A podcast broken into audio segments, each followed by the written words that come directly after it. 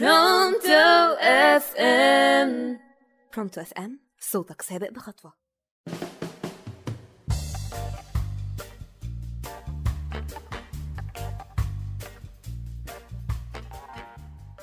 يا مساء الخير عليكم مستمعينا مستمعي راديو برونتو أنا منى ناصر في برنامج فك ال block حلوة قوي البدايات مش كده؟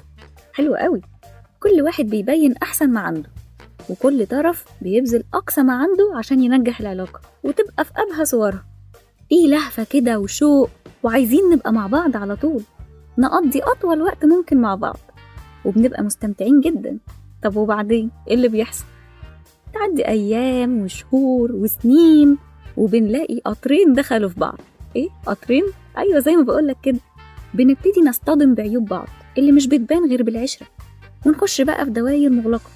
كل طرف بيحاول يغير من الطرف التاني ويطبقه على طباعه وندخل في صراعات ملهاش أول من آخر وما بنوصلش لنتيجة في الآخر. الحل لكل ده في الآخر في كلمة واحدة وهي التقبل. لازم أبقى عارفة إن عمري ما هقدر أغير من حد وعشان أوصل لمرحلة التقبل دي لازم أعدي بكذا مرحلة. أولها تقبل رأي الطرف الآخر. مش معنى إن إحنا بنحب بعض يبقى لازم بقى يكون لينا نفس الرأي ونفس الاهتمامات ونظرتنا للحياة هتكون من نفس المنظور. أكيد لأ طبعا. لازم أبقى فاهم إن الاختلاف ده شيء طبيعي وأبقى قادر أحتوي الطرف التاني حتى في اختلافنا. طيب تاني حاجة تقبل العيوب. أو زي ما بنقول كده بالبلدي خد صاحبك على عيبه إحنا عارفين طبعا إن مفيش حد كامل. مفيش حد خالي من العيوب. فالأوبشن اللي قدامي إني أتقبل عيوبه مش إني أحاول أغيره. هتضيع وقتك وطاقتك على الفاضي في محاولة تغيير أي شخص. هو مش حتة صلصال هتقعد تشكل وتغير فيها زي ما انت عايز. حتى لو في ناس اتغيروا فهم اتغيروا عشان هم عايزين يتغيروا عشان محتاجين التغيير ده في حياتهم مش عشان خاطر أي حد تاني.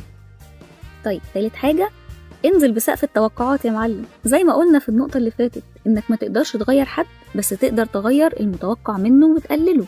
مفضلش أعلى بسقف الأحلام والطموحات والتوقعات والأماني لحد ما يقع يتهد فوق دماغي. رابع حاجة ما نحطش كل تركيزنا مع الطرف التاني يومنا كله بيبقى واقف عليه. مزاجنا مرتبط بهو عمل لي إيه النهارده.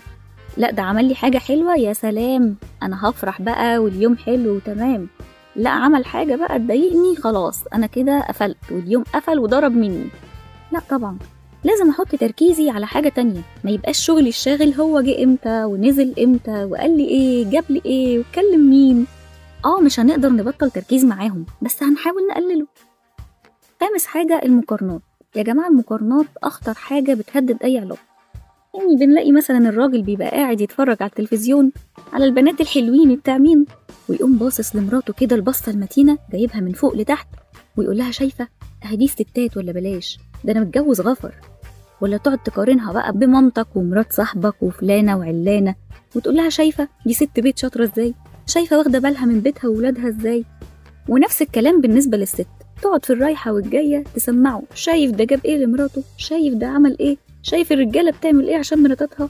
شايف ده سفرها فين؟ الا عمري ما شفتك داخل عليا بوردة حتى؟ أنتوا يعني كده مستنيين إيه؟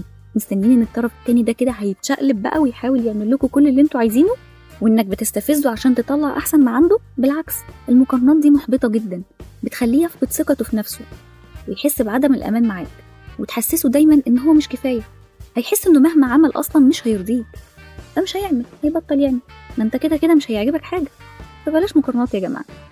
الخلاصة؟ التقبل هو شرط أساسي لنجاح واستمرار أي علاقة. أنت واخد الشخص ده package كده على بعضها بمميزاته بعيوبه بسلطاته ببابا غنوجه اعرف إن أنت كمان أكيد فيك عيوب هو بيحاول يتقبلها. فخلي عينك دايما شايفة الحلو. وبكده نكون وصلنا لنهاية حلقتنا النهاردة. استنوني في حلقة جديدة من برنامج فك ال block.